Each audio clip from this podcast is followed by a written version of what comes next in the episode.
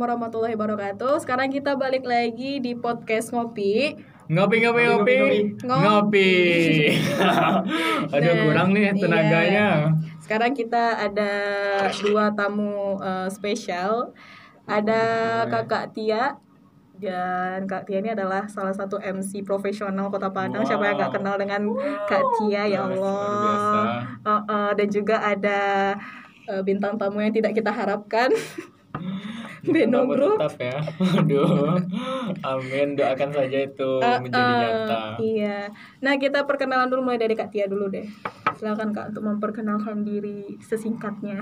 Oke, Bismillahirrahmanirrahim. Assalamualaikum warahmatullahi wabarakatuh.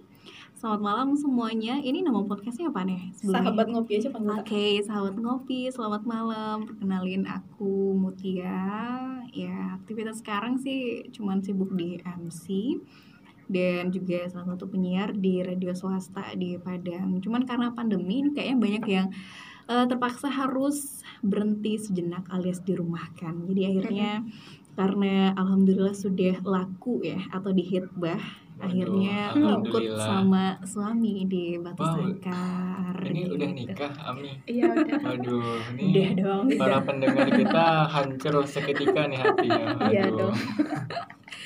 Hancur. Enggak sih sebenarnya. Kak Tia selalu hadir untuk kita. Iya Wow, baik luar baik. biasa. Salah sekali.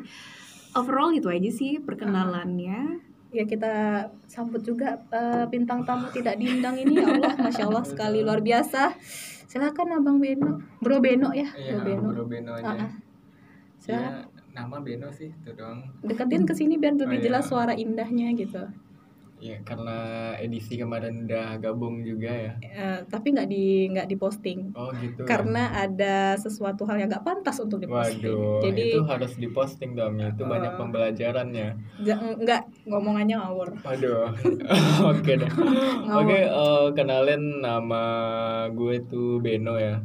Panggilan Beno. Nama IG-nya Beno Group. Hmm. Usaha Usahanya lagi diusahakan. martabak mini. Oh iya. Itu Boleh, boleh, boleh, boleh, boleh. Boleh dijelaskan lebih itu. martabak mininya gimana? Iya lagi dalam proses pengembangan Ami. Hmm. Doakan saja lah setelah pandemi ini akan semoga eh, akan segera normal kembali ya. Amin ya Allah. Amin. Ya itu Hmm. deh Ami usaha mungkin agak apa ya karena pandemi. Padahal Hmm. nih pengen nih buat nabung gitu loh Ami. Untuk nikah. Iya. eh, Nikah muda. Rencananya gitu kan.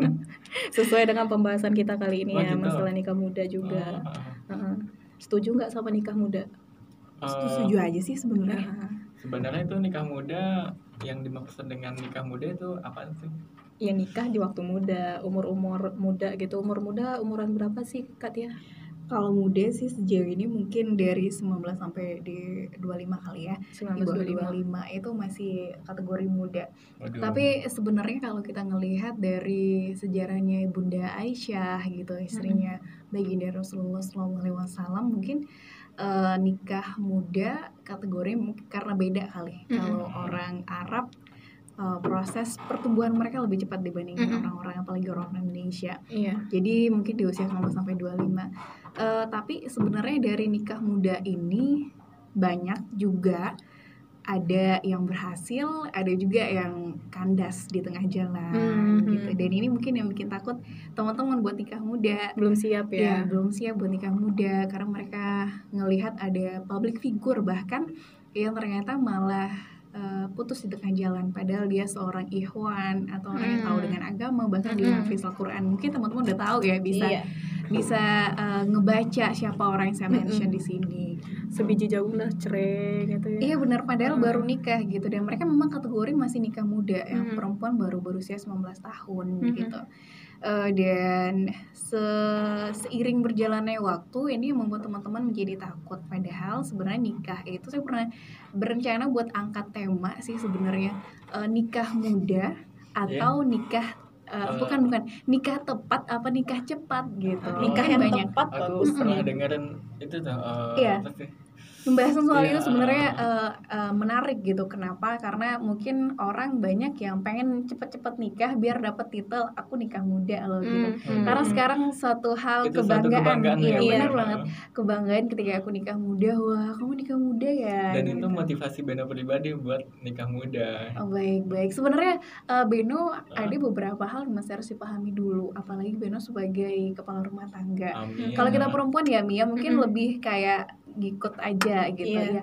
Aku bener, mah eh, cuma sebagai makmumnya kamu gitu. Mm-mm. Kamu ke mana aku ngikut. Mm-mm. Gitu. Selagi eh, bakti berbakti kepada suami, ridho suami dapat tak surga mau pintu mana aja udah aku dapetin gitu. Mm-mm. Tapi beda kondisinya dengan seorang laki-laki malah jadi imam dalam rumah tangga Hmm. sebelum mereka mutusin nikah muda ada part atau bagian-bagian yang mesti harus mereka pahami dulu gitu jadi Hmm. alias nggak nikah cepet aja biar dapat titel nikah muda tapi sebenarnya eh, tergantung pribadi sih kalau Beno ngerasa aku udah siap loh gitu Mm-mm. Oh, siap ini dalam kategori apa dulu nih? Banyak loh, Mbak. Oh, finansial, Iya. Oke. psikis, agama.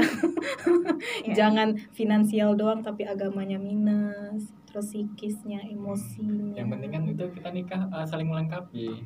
Iya, enggak. Hmm, Iya. bener oke Ah. Eh, nikah saling melengkapi Ah. tapi pada dasarnya perempuan itu materialistis pada dasarnya Ah, tapi mereka tuh. punya s- punya apa ya istilahnya mereka punya bagiannya masing-masing masih yang Hmm. kategori eh, menengah ada yang eh, biasa-biasa aja ada yang terlalu high class misalnya Mm-mm. dan eh, bagi bagi gue sih secara pribadi ketika memutuskan diri buat milih seorang laki-laki itu memang dilihat dari agamanya Mm-mm. agamanya sih harapan wanita pasti pengen laki-laki Oh, yang agamanya bagus gitu ya Mm-mm. Tapi kadang ya cerita tentang suami sih beliau bukan oh, ikhwan tapi seorang amah yang ilmunya bisa disebut kalau soal agama dia tahu tapi bukan tahu banget gitu istilahnya Mhm. padahal sebenarnya seseorang akhwat pasti pengennya ikhwah dong ya Iya. pasti mereka pengen seorang ikhwan tapi aku pernah dengar uh, kata-kata seseorang yang aku rasa itu inspiratif banget dan akhirnya mutusin diri buat terima suami sekarang gitu loh Mhm. waduh jadi curhat ini gak apa-apa Nggak ya apa-apa, nggak apa-apa, bagus banget. mana tuh bisa memotivasi Ah, motivasi si Ah, gitu. Ami gitu sama uh, Beno buat Sama nikah pendengar-pendengar kita apa? Oh iya, Ami? buat Oh, sahabat ngopi ya. Oh, sahabat ngopi Sahabat ya. ngopi. Jadi aku pernah dengar uh, cerita tentang salah seorang senior yang ngatain begini. Uh, gue sempat bilang gak mau deh kak nikah sama orang yang gak tahu soal agama. Dia kan bakal jadi imamnya aku. Nggak mungkin dong aku sebagai leader dalam rumah tangga nanti. Uh, biduk bahtera rumah tangga aku mau dikemanain gitu Mm-mm. nanti nggak mau gamang dan beliau sontak uh, nyampein suatu hal yang sangat-sangat luar biasa beliau bilang kayak gini Tia kadang lelaki luar biasa itu lahir dari wanita yang luar biasa Oh. Wow. sempat ketika beliau ngomong kayak gitu ngerasa wah bener juga ya Mm-mm. kayaknya udah ditakdirin untuk hal itu Karena itu terkadang menjadi rintangan wanita Mm-mm, tersendiri ya. benar. Di- Tapi yang namanya eh, kita perempuan ya Mia pasti Mhm. punya rasa cemas gitu kan, Iya. rasa takut. Jangan sampai nanti apa-apa aku banyak yang tahu daripada dia gitu loh. Kesannya kayak mengajari Benar. gitu. Karena memang mau. Tapi ternyata aku dapat eh, cerita sering jalannya waktu menjadi ibu rumah tangga dalam waktu dua bulan ini banyak banget. Waduh, baru ya. suatu hal ya masih seger banget lah. orang bilang Lagi masih nikah muda tapi teman-teman eh, jangan ngerasa wah masih baru. Itu kayaknya nggak bakal ada yang berantem siapa Waduh. bilang. Apalagi kita masih dalam proses pertemuan dua karakter yang berbeda. Eh, di mana suami punya karakter yang seperti ini guanya punya karakter yang seperti ini gitu. Jadi beda banget Eh, berantem pernah dan eh, tapi nggak bukan berantem yang harus keluar em, minggat dari rumah dan lain sebagainya enggak cuma lebih kepada sharing kita diskusi tapi mungkin lebih dalam suasana atmosfer yang begitu lebih di atas sebelumnya. Tapi sempat cerita sama teman jadi istri itu enak enaknya di mana? Iya. enaknya itu adalah kita mesti harus melatih kesabaran kesabaran. Apalagi buat perempuan yang tahu lebih banyak daripada suami jangan sampai perempuan lebih mengungguli suami. Lebih Karena- merasa gitu ya. Mm-mm, dia ngerasa bener. Karena ketika aku ngerasain kayaknya aku lebih banyak tahu deh daripada suami. Tapi kita punya metode dalam bertanya misalnya. Lebih sering gunain bahasa bertanya. Padahal kita tahu ini jawabannya Hmm. apa tapi kita ngerasa kayak ini bisa nggak ya gitu. Jadi lebih banyak uh, bertanya gitu. Gunakan pernyataan yang seakan kita bertanya. Di sinilah. itu cara komunikasinya ya, benar dia? cara komunikasi. Komunikasi sih yang paling penting karena memang ketika sebelum mutusin diri buat nikah itu banyak wejangan aja yang hadir gitu loh. Tanpa diminta itu banyak banget yang Iya. hadir. Dan mayoritas mereka nyampein komunikasi adalah hal yang paling penting dalam rumah tangga gitu. Ini pembelajaran yang penting ya, lengkap kan Hmm. untuk nikah muda kan. Udah dua bulan kakak ini tapi sering nggak sadar loh sebenarnya ngerasa kayak oh ternyata gue udah nikah ya. Pas bangun tidur wah ada orang loh di sebelah gitu loh. Oh, ya jadi- biasanya kita ngerasa kayak teman-teman kosan ya Heeh. gitu. Dan ketika bangun udah melakukan hal yang biasanya nggak pernah aku lakuin. Nggak pernah nggak pernah masak Eh, buat biasanya beli ya namanya anak-anak kosan lebih suka doyan Beli. beli yang fast food atau gimana.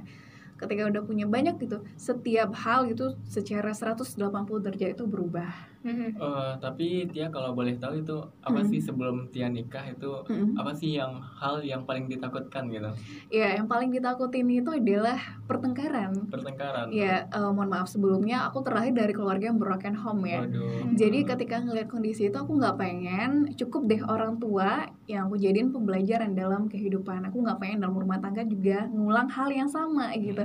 Aku jadiin deh orang tua aku berhasil ngedidik aku dengan cara aku bisa mempertahankan rumah tangga aku gitu. Jadi di saat hal itu yang aku takutin itu perceraian sebenarnya dan itu asal mulanya pasti pertengkaran ya. pertengkaran di mana egoisme salah satu atau keduanya terlalu eh, kuat dan akhirnya mereka ngerasa aku yang paling benar gitu. harus ada ngalah-ngalah enggak bener-bener tapi kalau boleh tahu Tia tuh sebelum nikah udah menjalin hubungan Mm-mm. atau Sebenarnya unik sih Ah. pertemuan sama beliau ini. Aku termasuk bukan tipe yang eh, pengen nikah. Banyak teman-teman yang pada kaget, oh ternyata dia udah nikah aja. waduh Karena memang nggak pengen- ya Iya, karena nggak pernah pengen, gak ada niatan juga buat nikah. Malah teman-teman sekosan lain yang bahasan Hmm. mereka soal nikah gitu. Dan di saat ketemu dia termasuk orang yang ya namanya aku seorang awat pasti nggak suka ya laki-laki yang penampilannya terlalu gaul atau gimana Oh. gitu. Karena ketika teman ngeliat zaman Iya, gaul ya karena karena ketika uh, teman ngelihat aku sama suami itu merasa kayak ini tipenya Tia ya. Nah, kayak gitu, sering banyak yang kaget gitu loh. Uh, tapi ya, yang tadi aku bilang aku um, uh, belajar dari yang disampaikan oleh kakak tadi gitu ya. Itu alasan kenapa memilih dan memang dari rentetan-rentetan hal yang dirasa kata orang istiqoroh, kekuatan istiqoroh itu seperti apa Mhm. dan apa yang dilihat ketika sudah istiqoroh gitu ya. Dari sana makin yakinnya dulu awalnya aku nggak pernah kita komunikasi itu dari seseorang. Aku nggak kenal suami itu seperti apa. Jadi ada senior yang mereka ah, yang beliau ini ngenalin aku sama suami uh, terus jalin komunikasinya cuman via chat aja cuman aku lebih ngehargain senior dengan cara Hmm. ngehargain temennya ya udah aku balas tapi gak ada yang tertarik karena udah stalking salah satu media sosial dia juga gitu. Ngerasa kayak oh ini bukan tipe aku banget gitu loh. Cuman masih tetap ngehargain. Eh, setelah waktu-waktu berjalan eh, udah nyampe di bulan apa nih beliau pengen ketemu gitu. Itu mulai komunikasi pertama itu udah berapa Februari 2019 wow. Februari 2019 eh, itu udah jalin komunikasi dan ternyata memang akunya nggak terlalu tertarik ya sama beliau. Sampai eh, ini satu hal mungkin kami bisa jadi ini sebagai pertanyaan ya atau Mhm. mungkin sahabat ngopi. Jadi ini pertanyaan aku lagi nyari celah nih gimana cara buat nolak dia? Karena si suami Sadis itu ya. karena si suami itu udah dari awal Heeh. mm, ngajak nikah gitu loh memang Wow, niatnya buat berarti nikah dia yang agak agresif dulu Bener, karena beliau udah dapat info soal aku dari senior gitu lah. Kita Hmm. punya informan senior aku gitu. Aku nggak pernah tahu dia eh, suami kayak gimana, Hmm. taunya dari senior. Begitupun sebaliknya. Eh, dan memang sih aku bukan tipe yang suka calon yang high class gitu. Dan aku ngerasa Hmm. kayaknya beliau orangnya kayak gitu gitu loh. Jadi aku udah minder sendiri dan aku ngerasa juga ini agamanya bagus apa enggak ya sudah underestimate Heeh. dari covernya orang gitu loh Heeh. belum ngeliat hasilnya kayak gimana ternyata beliau punya niat buat ketemu dia bawa bawa teman itu ada suami istri yang dibawanya gitu dan kan dia juga teman bawa dekat. teman gitu Dia aku aku sendiri waktu itu Oh. cuman yang lucunya itu mungkin karena kita udah ditakdirin ketemu kali ya Heeh. beliau ini suami aku tuh ngechat dari pagi pengen ketemu tapi sayangnya Udah kebelet kali ya. ya kayak pengen ketemu penasaran Ah, gitu pengen. gimana sih asli buat make sure ya aku yakin nih sama dia biasanya cuma via chat doang atau Mm-mm. ngeliat di Instagram aja Mm-mm. gitu kan Eh, jadi ketika dia cerita sama temennya aku pengen ketemu cewek loh udah calon lu kan gitu sama Mm-mm. temennya doain aja lah yuk lah semangat teman-temannya itu dari pagi tuh udah ngechat ternyata aku lagi sibuk di event saat itu Hmm. dan akhirnya gak ngebalas chat dia Waduh. dia udah nungguin sampai Udah siang berharap berharap. Iya udah, dan dia pulang dengan eh, suami pulang dengan rasa kecewa pasti ya. Pulang dan waktu itu aku baru baca jam 4 sore, jam 4 sore. Dan ketika aku bilang, "Ya Allah, ini gimana? Anak orang udah nyampe di mana?" gitu. Aduh. Aku tanyain, "Emang udah di mana?" gitu. Dia bilangnya ke aku di Lubuk Buaya. Aku ngerasa ini masih masih kota ya, masih kota. Padang.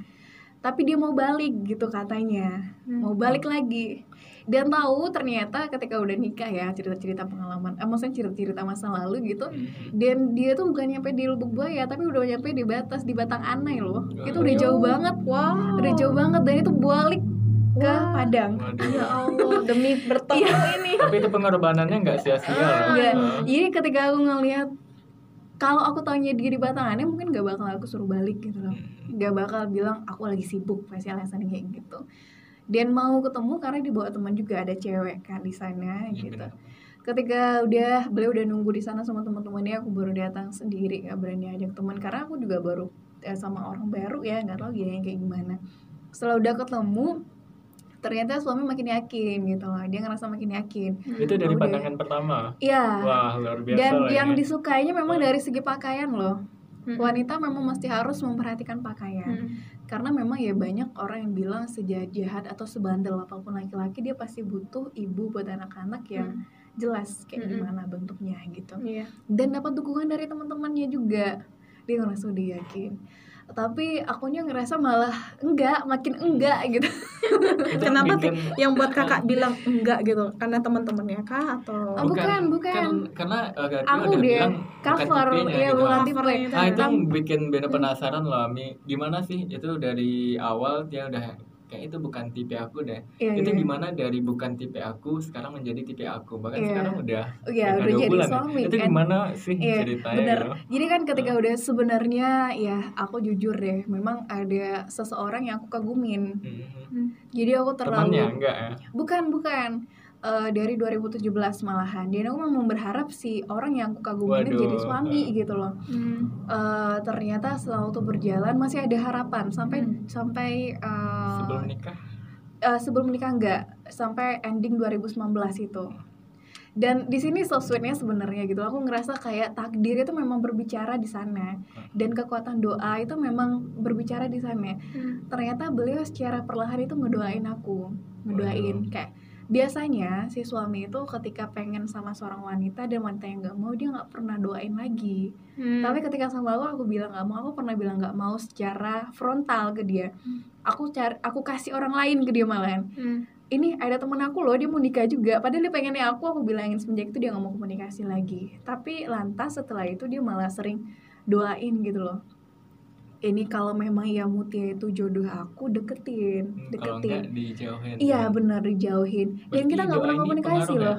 kayak memang berpengaruh kan ya Iya. doa Oh, itu iya memang sih. bisa Nggak percaya doa bang? Nggak Boleh. pernah doa berarti? boleh dibuktiin memang kekuatan doa itu bisa membolak-balikan hati Mm-mm. seseorang dari bulan Juni aku bilang udah enggak nggak pernah komunikasi lagi itu nggak pernah komunikasi sama sekali nggak tahu September awal September awal oh, maaf awal Desember itu aku ngekomenin statusnya dia. Aku yang mulai Waduh. duluan. Aku yang komen status dia. Di IG ya? Bukan di WhatsApp saat itu di WhatsApp. Jadi dan itu ketika aku komenin dia bilang aku bilang kayak gini eh, kira-kira tanggal 2 Desember deh. Tapi tanggal satunya itu aku udah mutus sendiri buat gak berharap sama orang yang aku kagumin Hmm. Aku langsung chat gini "Eh, seorang wanita selama lamanya mereka menanti mereka pasti butuh kepastian karena nggak ada kepastian aku coba Eh, Hmm. Ini Nah. enggak pelarian kan bukan bukan, Bukan ya? lebih tepatnya bukan pelarian Kan nggak ketika jadi sama yang pertama loh. Jadi ketika aku bilang kayak gitu, aku selalu berdoa sudah lupakan, lepaskan dan datanginlah seseorang yang bener-bener rasanya akan menjadi suami aku gitu loh. Hmm. Dan memang akunya yang ngechat duluan gitu loh. ketika selang waktu dari Juni ke Desember itu nggak pernah chattingan dan ternyata beliau masih eh, masih ada kata harapan gitu loh masih mengulang hal yang sama pengen akunya jadi istrinya dan sebagainya. Jadi aku ngerasa penasaran gitu. Ini kok selang waktu udah lama beliau masih konsis ya dengan kemauannya. Aku iseng nanya kayak gini eh sebenarnya kita tahu gimana laki-laki itu dengan pertanyaan ya? Hmm. dengan pertanyaan dilontarin. Itu sebenarnya ujian dia mampu nggak sih? Gitu. Hmm. aku uji dengan pertanyaan-pertanyaan yang dirasa dia nggak bakalan mampu nih buat jawab gitu Hmm. sama persis kayak pertama kali aku chattingan aku nanya kayak gini kamu mau jadiin aku sebagai eh, istri atau ibu bagi anak-anak Hmm. itu adalah pertanyaan yang paling utama ditanyain kepada laki-laki kira-kira Beno mau jawab apa Waduh, aku istri apa ibu bagi anak-anak istri. Oke, nah jawaban itu salah. Oh my god. Ya, aku nanya itu, cuman aku ubah pertanyaannya. Aku bilang kayak gini, kamu mau jadiin aku sebagai istri kamu? Ya iya dong, nggak mungkin dong orang jawab enggak. Hmm. Ya enggak sih? Hmm. Kalau kita, kamu pengen aku jadi istri kamu enggak? Jawabannya pasti ya atau enggak, karena itu yes no question. Kecuali aku jawab, kamu mau jadiin aku istri apa?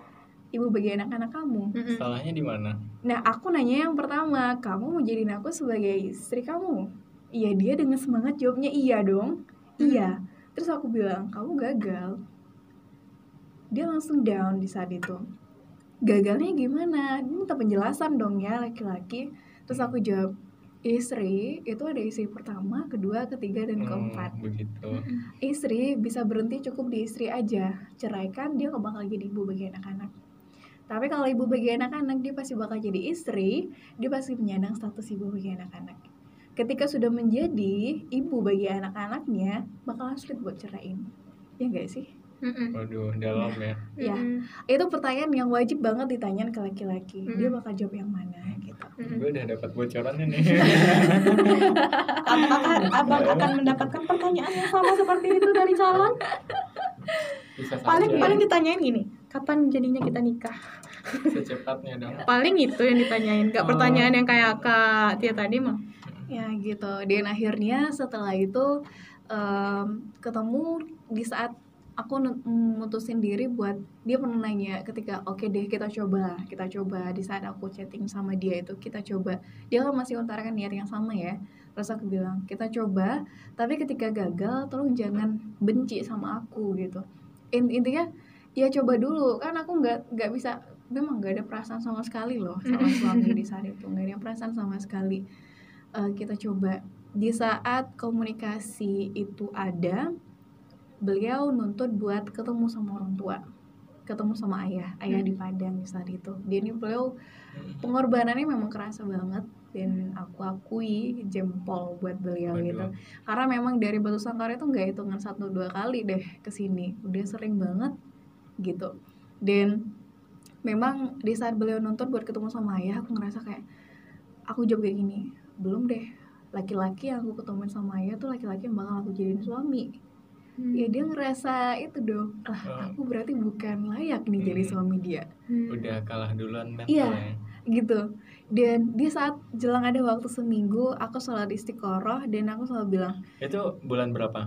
bulan Desember Waduh. Desember itu Hmm. aku uh, udah mulai chatting pertama kali dan setelah waktu seminggu aku sholat istiqoroh dan aku selalu doanya kalau memang iya tunjukin dengan bukti-bukti nyata. Yang bukti-bukti yang ngerasa aku yang makin yakin. Kita nggak boleh percaya ya dari mimpi soal istiqoroh itu. Jadi memang ada hal-hal yang yakinin nah di saat itu ketika aku udah bilang ah seseorang yang layak deh yang bakal jadi suami. Dalam hamin satu itu berubah. Aku langsung chat dia boleh kok ketemu sama ayah? Boleh ketemu sama ayah? Aku sendiri nggak sadar kenapa. Boleh kok ketemu sama ayah akhirnya beliau ke Padang ketemu dan tahu jawaban ayah kayak gimana Hmm. jadi ada Iya. apa ada apa gitu Hmm. dan Iya suami aku langsung curi star loh suami langsung curi star padahal ini pertemuan pertama, pertama mereka dan aku ngerasa kayak Belum. beliau masih kenalin Ah. diri gitu dan aku ngerasa ini kayaknya masih ya basa-basi busuk lah ya masih basa-basi. dan tahu beliau jawab apa ya aku serius sama anak kaya dan aku pengen nikahin dia aku kaget dong sontak kaget banget karena mak ini orang curi star nih kayaknya aku belum ada ngasih izin loh buat ngomong kayak beginian tahu jawaban ayah Hah, itu yang ayah tunggu dari tadi Aduh. Nah, ketika ini ngerasa kayak salah satu baru jawaban dari istiqoroh aku. Heeh, ngerasa heeh. kayak udah ada nih. Terus Tanda-tandanya. iya, tanda-tanda. Sabtu beliau ke sini ketemu dan Minggu diajaknya langsung ketemu sama orang tuanya di Batu Sangkar. Aku pergi sama teman, aku pergi berdua, aku ajak teman cewek satu. Dan tau ketika ketemu tuh aku selalu doa, ini kalau memang iya dilancarin pertemuan sama orang tuanya. Dan di saat eh, nyampe di daerah suami kelahiran Batu Sangkar, ketemu di sana dan memang disambut sangat hangat dari dari calon mertua ya atau Hmm. ibunya. Dan ibunya langsung bisikin kayak gini, dia jangan terlalu lama ya. Kan udah udah yakin kan, Wah gitu. jangan terlalu lama ya. Buat waktunya. Wow. Iya. Heeh. Aku Keren, kaget dong. keren, keren. Pertama kali ketemu udah ditanyain begituan Mm-mm. gitu loh, ngerasa yakin Padahal- dulu kayak sama gua gitu. Uh-uh. Guanya kayak gimana? duduk dulu Iya, kayak minum dulu ah-ah. kayak apa gitu langsung gitu pas kan mau pulang pun langsung dijawab sama mami bilangnya kayak gini Tia jangan lupa yang mami bisikin tadi ya Waduh. ya gitu. ampun keren Itu banget sih. girang ya. girang plus takut Waduh. gitu loh Uh-uh. ini gue baru pertama keba- kali belum ngerasa itu iya perasaan belum ngerasa yakin banget gitu loh gue udah yakin apa belum ya iya belum yakin apa belum ya gitu Uh-uh. terus udah semuanya jalan ini yakinin banget yakinin banget lah kayak gimana kan belum ada dapat respon dari ayah ya karena kita Mm-mm. baru ketemu senin ya aku langsung tanya sama ayah Eh, langsung ketemu ayah sebenarnya maunya ketemu temu aja tapi langsung buka pembicaraan dengan yang kemarin gimana Hmm. emang gimana ya terus aku tanyain lagi Hmm. dari eh, beberapa lelaki yang ayah kenal pernah aku kenalin teman waktu itu Hmm. teman kok tapi ayah lebih suka sama yang ini Waduh. berarti udah dapat kode bagus dong ya udah ngerasa kayak ini kode keras ya boleh deh anaknya jadi gini positif aja yang sama ayah gini gini gini sopan dan lain sebagainya. Ngerasa kayak oh, kayak ini jawaban dari istiqoroh aku deh. Gitu. Hmm. ngerasa kayak udah disetujui ayah orang tuanya juga udah bilang hal yang sama. Eh, sampailah dalam adat Minang tuh pasti ada prosesi yang namanya hitung menghitung hari gitu ya. Hmm. ada istilah gitu bertemu niniak mama. Itu kan ada juga itu. Udah itu lancar semuanya. Waduh. lancar Hmm. aja nggak ada biasanya orang eh, yang namanya dua nenek mama ketemu apalagi dua daerah yang berbeda ada ya seteruan iya adat payakumbuh sama batu sangkar Ah, ah. itu mereka termasuk adat yang keras sama-sama keras Iya. dua-duanya tapi dari cerita orang sampai tiga jam itu perembukannya sampai tiga jam nenek mama. Dan aku tau nggak cuman nyaris kurang dari setengah jam wow. dia itu cuman kayak bercanda aja. Karena kita pasti punya informan masing-masing ya. Kita kan Hmm. nggak boleh ketemu tuh dalam pertemuan. Hmm. kita disuruh keluar. Aku punya teman aku satu sebagai informan aku udah sampai di mana aja nih pembahasannya? Gitu. Hmm. dan ketika kita sampein ah uni kayaknya ini deh ketemu nenek mama yang paling lucu. Waduh. kenapa? Gak ada tegangnya. Non formal banget bahkan ketawa-ketawa aja nyaris cuma setengah jam loh biasanya orang berjam-jam untuk Iya. hal itu aku ngerasa kayak alhamdulillah dimudahin ya Mungkin itu doa itu." dari Nah, itu dia dia. dan suami ya. dan setelah itu jalan-jalan oh, udah mulai ngerasa kayak yakin udah ngerasa yakin sama beliau gitu kan ngerasa kayak dan akhirnya memang udah jatuh cinta gitu. Wow berarti jatuh cinta di waktu yang tepat Iya, banget sih itu. Pas udah- dan Mulai ada tumbuh rasa jatuh cintanya memang enak sih jatuh cinta di waktu yang Iya, tepat sih. benar. Di saat apa? Di saat beliau udah nyatain eh bukan ketika akad nikah. Heeh. bukan bukan bukan. Aku belum ada rasa Ah. cinta di saat itu Eh, gini ini tips ya buat para para cewek. Alhamdulillah. tips buat para cewek sebenarnya. Hmm. karena kebanyakan ahwat aku lihat ya mereka sering patah hati. Patah hatinya kenapa? karena mereka udah mulai ngasih hatinya ketika belum ada restu dari mertua. Ya nggak sih? Jadi eh, solusi aku mulailah ngasih harapan tapi jangan terlalu banyak. Hmm. ngerasa kayak ini kayaknya dia benar-benar ketika kamu udah dipertemukan oleh eh, Orang tua. kepada orang tuanya. Hmm. Ketika belum dipertemukan misalnya nih awat eh, ya baru janji busuk lah ya Hmm. atau janji kosong bullshit dan lain sebagainya dan mereka merasa kayak si awat udah terbang melayang ke mana-mana Hmm. merasa kayaknya ya aku bakal jadi istri idaman Gampang dia baper deh, gitu sih ya. merasa kayak Heeh. gitu ya namanya cewek pasti baperan dan Heeh, mereka baperan. kayak udah yakin banget apalagi cowok kalau udah soal rasa mereka paling pinter buat yakinin Waduh. mulutnya manis Iya. banget kayaknya Ami Itu korban deh ya keahlian kami. dulu gitu kan jadi sekarang tuh kayak udah mendingan jatuh cinta di waktu yang tepat aja Iya, sih kayak bener. memang pas udah nikah tuh Iya, lebih enak kan di sana ngerasa kayak udah aku udah yakin sama dia ketika Mm-mm. dia udah berani ketemuin kita karena gini pada prinsipnya laki-laki yang yakin sama seorang wanita dia pasti kenalin ke ibunya Mm-mm, nggak pasti. ada bakalan enggak jadi ketika kamunya belum dikenalin jangan jangan deh coba-coba buat ngasih hati gitu loh. Mm-mm. siap-siap buat kecewa. Mm-mm. makanya di saat udah ketemu sama orang tuanya udah ngerasa udah udah ketemu nenek mama istilahnya udah nentuin hari juga gitu ya. Dia itu belum jatuh cinta sepenuhnya loh. Masih ngerasa kayak ini bener karena bakal ada kita cuman interest aja ya kayak ekspektasi iya benar Ah, interest kita aja masih ada ekspektasi ada hal-hal yang bakalan di luar dugaan dan Mm. sebagainya memang ketika jatuh cinta itu di saat dia udah ucapin ijab kabul dalam satu kali aja Mm-mm. dia ngerasa kayak ini laki-laki beneran ini itu perasaannya kayak gimana sih kak duk duk gitu Aduh, gak bisa digambarin. Mungkin Ami taunya ketika udah nikah aja kali ya. Karena gak ya bisa Allah. digambarin. Saking memang itu suatu hal yang sangat sakral dan begitu luar biasa, nggak bisa dijelasin kayak gimana gitu loh. Ketika dia bisa berani, ada rasa kebanggaan. Ini seseorang ngerasa dia yakin sama aku dan dia memang pengen aku. Dia bisa ngucapin ijab kabul dalam satu kali begitu lancarnya. Kenapa sih kayak Ya, Berarti Iya, itu tumbuh rasa jatuh cinta Iya di saat itu, ketika beliau udah mulai Ah, pegang ah. tangan ya. itu itu lebih bagus sih daripada pacaran tiga tahun atau enam tahun gitu sih Wak.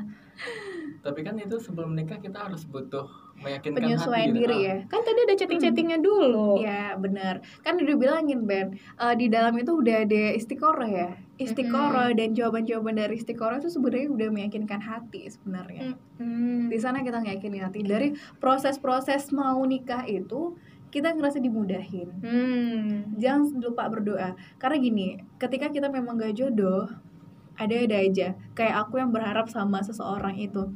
Ternyata dia tunangan sama orang lain. Waduh. Nah, itu intinya. Memang kecewanya nggak nggak bakal disebut gitu loh.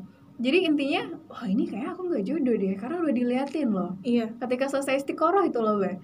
Ngerasa dia, aku mau sama dia nih, kayaknya dia layak nggak?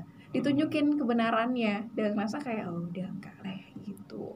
Ini karena suatu halnya udah baik-baik semua, ngerasa Hmm, bahwa dia bener-bener. udah yakin gitu. Buat apa lagi? berarti nikah tepat ya kak Iya, bener. bukan nikah mudanya Iya, karena bukan. untung lagi muda gitu Mm-mm. jatuhnya kayak nikah muda tapi sebenarnya nikah tepat gara-gara Iya, bukan gara-gara sih kekuatan doa gitu. Iya benar, Watan ada andil Allah di dalamnya betapa indah cinta yang seperti itu mungkin itu juga yang ditanyain kebanyakan orang nih ya Hmm. dia Mm-mm. apalagi nih zamannya banyak orang mungkin uh, pacaran ya Iya, iya. Ah, mereka udah pacaran lama terus ketemu orang gitu kan Mm-mm. ini mereka mikir sebenarnya eh, orang yang lagi dekat pas lagi jaya-jayanya Mm-mm. ini godaan setan atau jodohnya gitu Iya, soalnya benar. itu kebanyakan mereka bertanya mulai dari ini nih misalnya pacarnya udah nemenin dari nol Ya. namun ketika seseorang udah jaya Mm-mm. dan ketemu seseorang mereka mikir ini ujian atau Hmm. emang dia adalah jodoh gitu Iya, boleh boleh. itu Sebenarnya masalah jadi kegalauan loh Iya, ya. Tapi sebenarnya uh, Ami juga atau mungkin sahabat ngopi yang lagi dengerin, kita balik ke konsepnya dulu. Pacaran itu dibolehin apa enggak? Enggak. Gitu dulu. Enggak. Nih, ketika suatu hal yang enggak tapi masih dipertahankan begitu lama, udah jelas dia bu- belum berarti jodohnya kamu gitu loh. Iya. Dari segi prosesnya aja yang dilihat nah, ketika sudah ini guna istiqoroh itu adalah yang pertama meyakinkan hati, yang kedua memilih suatu hal yang membuat kita bimbang. Ada dua pilihannya. Berarti Hmm. Binu merasa kayak ini ada dua pilihan ini gitu loh. Seseorang yang nemenin kita di sana belum berat, belum tentu loh. Dan seseorang yang belum yang datang tiba-tiba belum tentu juga dia bakal jodoh. Bisa jadi dua-duanya bukan jodohnya kamu atau gitu. bisa jadi dua-duanya ya Ah, nggak tahu sih nanti itu harapan Bino kan kali ya. cowok kan ada empat ya Ah, ini pembahasannya beda ya bu Enggak, tapi Kita nggak bahas soal soal kita bahas nikahnya bukan poligaminya gitu Tapi ini dua perempuan nih dua ya. Suatu hal yang menarik loh jatahnya tapi nggak apa-apa sih empat. sebenarnya karena aku personally eh, siap nggak siap mesti harus siap buat dipoligami Waduh. kalau kita bahas soal sih. itu ya. Ini demen gue nih. Ya, memang kenapa? harus sih perempuan main kayak gitu siap nggak siap Iya. dia harus memang siap Tapi. Eh, ketika perempuan nanya lu bisa nggak kayak baginda Rasulullah waduh. Ini apa sih berat ya ini ngejawabnya dibalikin lagi nah loh gitu. Iya. siap nggak? Eh, tahu nggak arti adil yang sesungguhnya itu seperti apa? Tahu nggak Nah, jadi kebanyakan nah bahas poligami dong jadinya. Karena memang setiap wanita itu mereka harus siap untuk dipoligami, apalagi dengan sensus penduduk di mana perempuan lebih banyak daripada laki-laki. Mm-mm. Masih harus siap gitu. Dan perempuan yang seperti apa yang dinikahinnya. Nah, itu harus dilihat juga dong. nikah ya. bukan nafsu bung Ya, jadi kalau bahas soal gitu sih aku bukan bagian yang kontra dengan hal poligami gitu. sama sih Nah, karena memang udah ada di Al-Quran juga kan ada Jelas, saya tiga gitu. gitu. Tapi itu bukan berarti harus jadi senjatanya laki-laki itu aja. boleh kota empat gitu Iya, kan bukan berarti kayak gitu Balik ke tadi, yakin penting yakinin hati dulu. Istiqoroh itu sangat penting sekali untuk nentuin jodoh karena ini adalah seseorang yang bakal kita bawa seumur hidup loh. tanggung Jadi jawab nggak dunia main-main. akhirat Iya, ya ya. benar banget. Kita udah yakin. Dan ini satu lagi, kunci istiqoroh itu adalah kita nggak pernah memihak sama salah satu pihak. Harus senetral netral gini. Itu hal yang sulit banget buat netral. Untuk apalagi udah pernah pacaran itu ya berarti pasti Hmm. pikirannya ke sana terus gitu Mm-mm. loh ke sana terus jadi intinya yakinin hati kosongin gak ada siapa pun di hati kita kecuali yang di atas terus tanya nih pasti akan ada bukan itu yang ngedahuluin yang di atas ya karena Hmm. udah ngerasainnya akan ada aja tuh jawaban-jawaban yang ngerasa lu yakin gitu loh Mm-mm. Bisa jadi sering aja berantem sama pacar kan? Iya. Atau ngerasa kayak ketemu dia selingkuh misalnya. Mm. itu sebenarnya jawaban loh. Mm-mm. bisa menangkap hal itu nggak sih sebagai jawaban? Sama kayak Hmm. perempuan yang hijrah dia menangkap hidayahnya udah datang loh dari ke dia gitu. Mm. nah ini atau mungkin sama yang baru ini dimudahin aja gitu loh prosesnya. Itu dilema loh tuh ya bener. Jangankan itu loh. Aduh kalau diceritain akunya aja yang udah jelas tanggal nikah udah cetak Ah. undangan itu nggak satu dua tiga yang datang maksudnya nggak satu dua tiga yang deket Oh. lagi Ah, Iya, godaan ya iya. Uh, uh, uh, Dia itu memang orang-orang yang aku kagumin. ah. Wow. Bayang nggak sih yang aku kagumin? uh Gak satu dua, gak Wow. satu dua. Ada ada aja. Tiba-tiba ngechat yang nggak pernah chat selama enam tahun. wah Tiba-tiba ngechat. Dan aku langsung bilang, aku udah ada undangan. Aku mau ngasih undangan. Terus dia langsung men- menceritakan bagaimana kecewaannya. Wow. Ketika laki-laki menceritakan kekecewaannya itu sebenarnya bumerang bagi seorang wanita. Dia Mm-mm. pasti ngerasa kayak deeply banget. Aduh, kasihan ya. iya apalagi dengan bahasa Iya. aku sebenarnya masih ada rasa Nah, gitu ya Aduh. banyak banget itu yang aku bilangin jangankan di saat milih ya dia Hmm. dia bener-bener atau enggak jadi Hmm. jodohnya aku di saat udah jelas aja godaannya luar biasa berarti emang banyak ujiannya ya? Benar. Itu memang udah bukan mitos lagi tapi memang udah kebanyakan seperti itu. Waduh, Terus kak kalau misalnya mengatasi jatuh cinta di sebelum waktu yang tepat itu gimana sih kak? Ah, sebenarnya lebih kepada aku ya secara pribadi itu lebih ke ngerasa kayak eh, aku ketika aku jatuh cinta aku pasti harus siap kecewa Soalnya kan itu biologis banget nih Iya. perempuan suka sama laki-laki kan itu Hmm. normal dan Iya. itu salah satu kayak rahmat ya untuk Hmm. kita kita suka sama lawan jenis. Nah gimana ini kita ngehandle perasaan yang kayak menggebu-gebu pada saat pertama ih dia ganteng lah atau ih dia, dia Iya. pinter lah dia, Iya. kayak gini.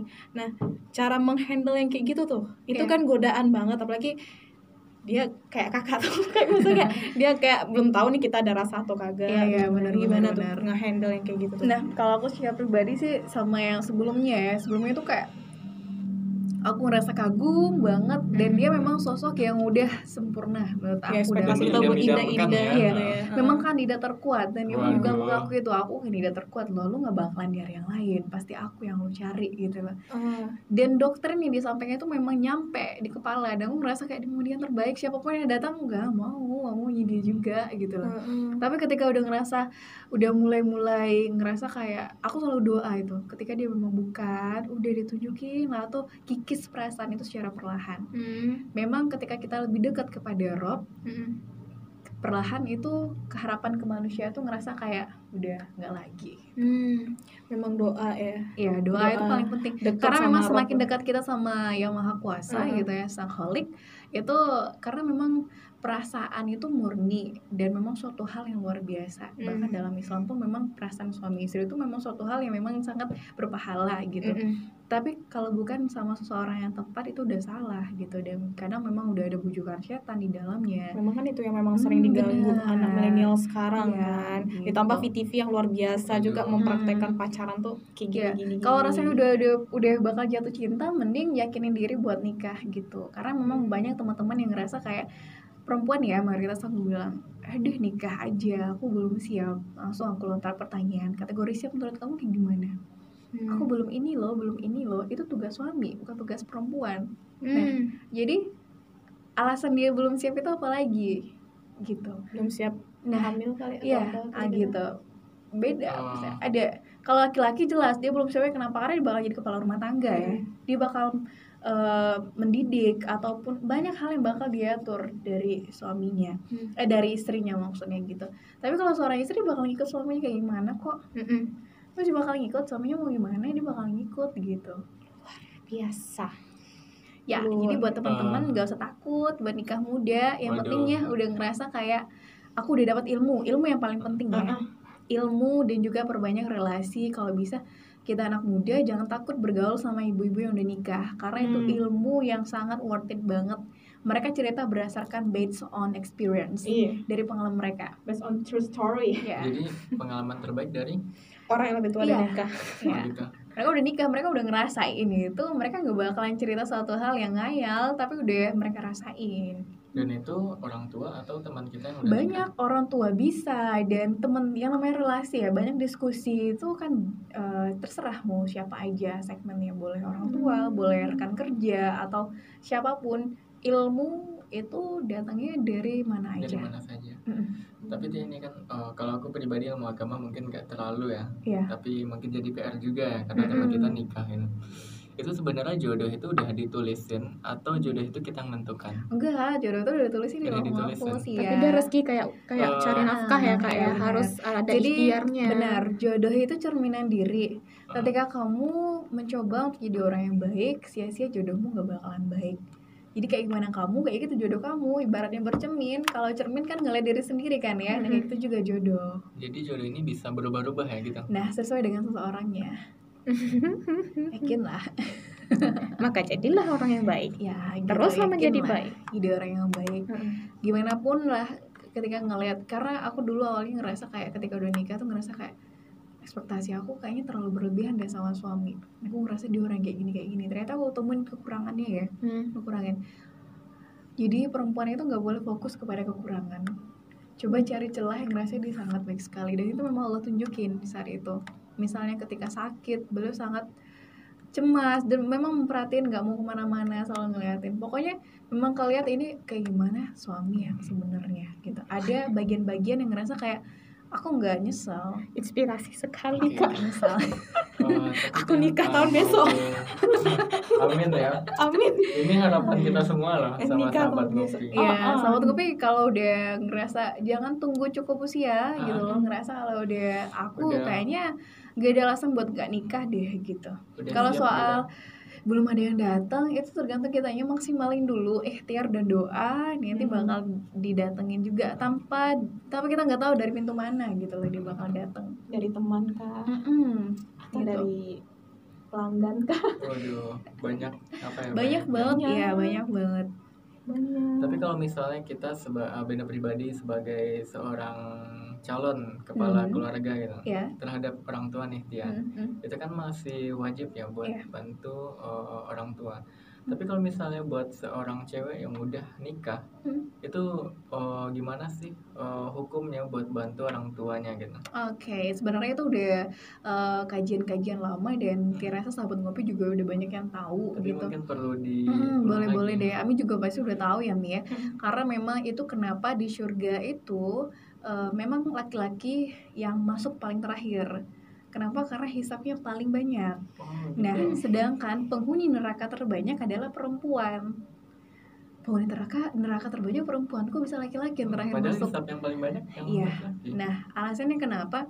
Karena memang eh, laki-laki itu tidak akan terputus masa baktinya sama ibunya, sama sua istrinya, mohon maaf, sama istrinya seperti apa, sama anak-anaknya, sama keluarga atau saudaranya. Hmm. Itu gak bakal terputus.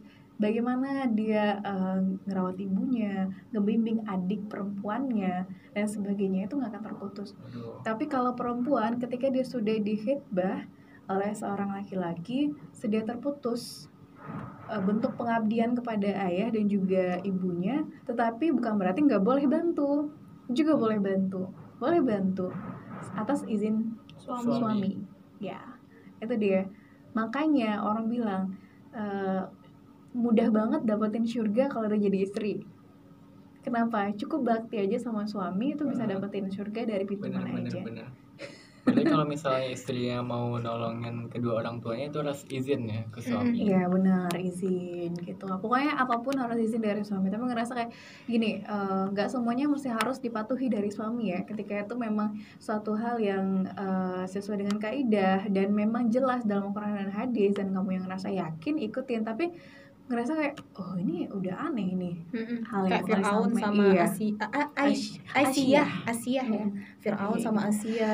sebenarnya banyak sih yang mau diomongin Udah, tapi bener. udah, Udah. jam berapa kan ya Keterbatasan waktu luar biasa. tapi thank you banget ya karena eh, sedikit banyaknya memang kita bisa ngambil banyak eh, hal-hal yang baik dari berbagai jenis orang gitu Mm. Eh, dan memang harapannya teman-teman semuanya makin yakin dengan Amin. apa yang akan menjadi target ke depannya Amin ya gitu. Allah. karena nikah ini bukan karena ngelihat temen aku udah nikah gitu ya atau ngelihat adik aku udah nikah nah Atau belum. untuk feed Instagram doang. Iya, jangan, benar, jangan. jangan. Tapi memang udah ngerasa aku kayaknya udah layak buat nikah deh. Mm-mm. Gitu. Ih, luar biasa banget nih sahabat ngopi malam ini ya. Inspirasi banget. Dan ini karena udah keterbatasan waktu, kok bisa ini ngobrol sampai pagi. Waduh, bisa. maunya gitu ya. Bahasnya sampai pagi nih kan yang udah expert Iya. banget. Dan makasih buat Kak Tia atas inspirasinya dan Iya. juga buat Dan, Bang Beno. ya, aku pun juga banyak dapat inspirasi nih dari Tia Iya. gitu. Iya. Mm-mm. Soalnya karena umur kita udah berapa juga ya. Udah layak ya. Udah layak lah ya. Ini jadi Udah mulai ditanya-tanya kapan gitu. Waduh. Kapan? Mana? Dan kapan dan mana ini apalagi mau lebaran gitu. Iya. Kapan dan mana? Hmm. Nah, nih sahabat kopi nanti insya Allah di minggu depan atau minggu-minggu selanjutnya bakal kita sambung lagi kalau bisa bareng Kak Tia lagi lah. Hmm, Insya Allah. Insya Allah kalau misalnya ada waktu lagi ya kalau misalnya harus takdir bisa mempertemukan kita kembali Yes. seperti ini. Dan jangan lupa selalu mendengarkan ngopi. Pokoknya pada hari Minggu aja, bukan setiap hari malam Minggu, tapi hari Minggu aja. Dan ini penutupnya udah udah pergi duluan. Jadi wassalamualaikum warahmatullahi wabarakatuh.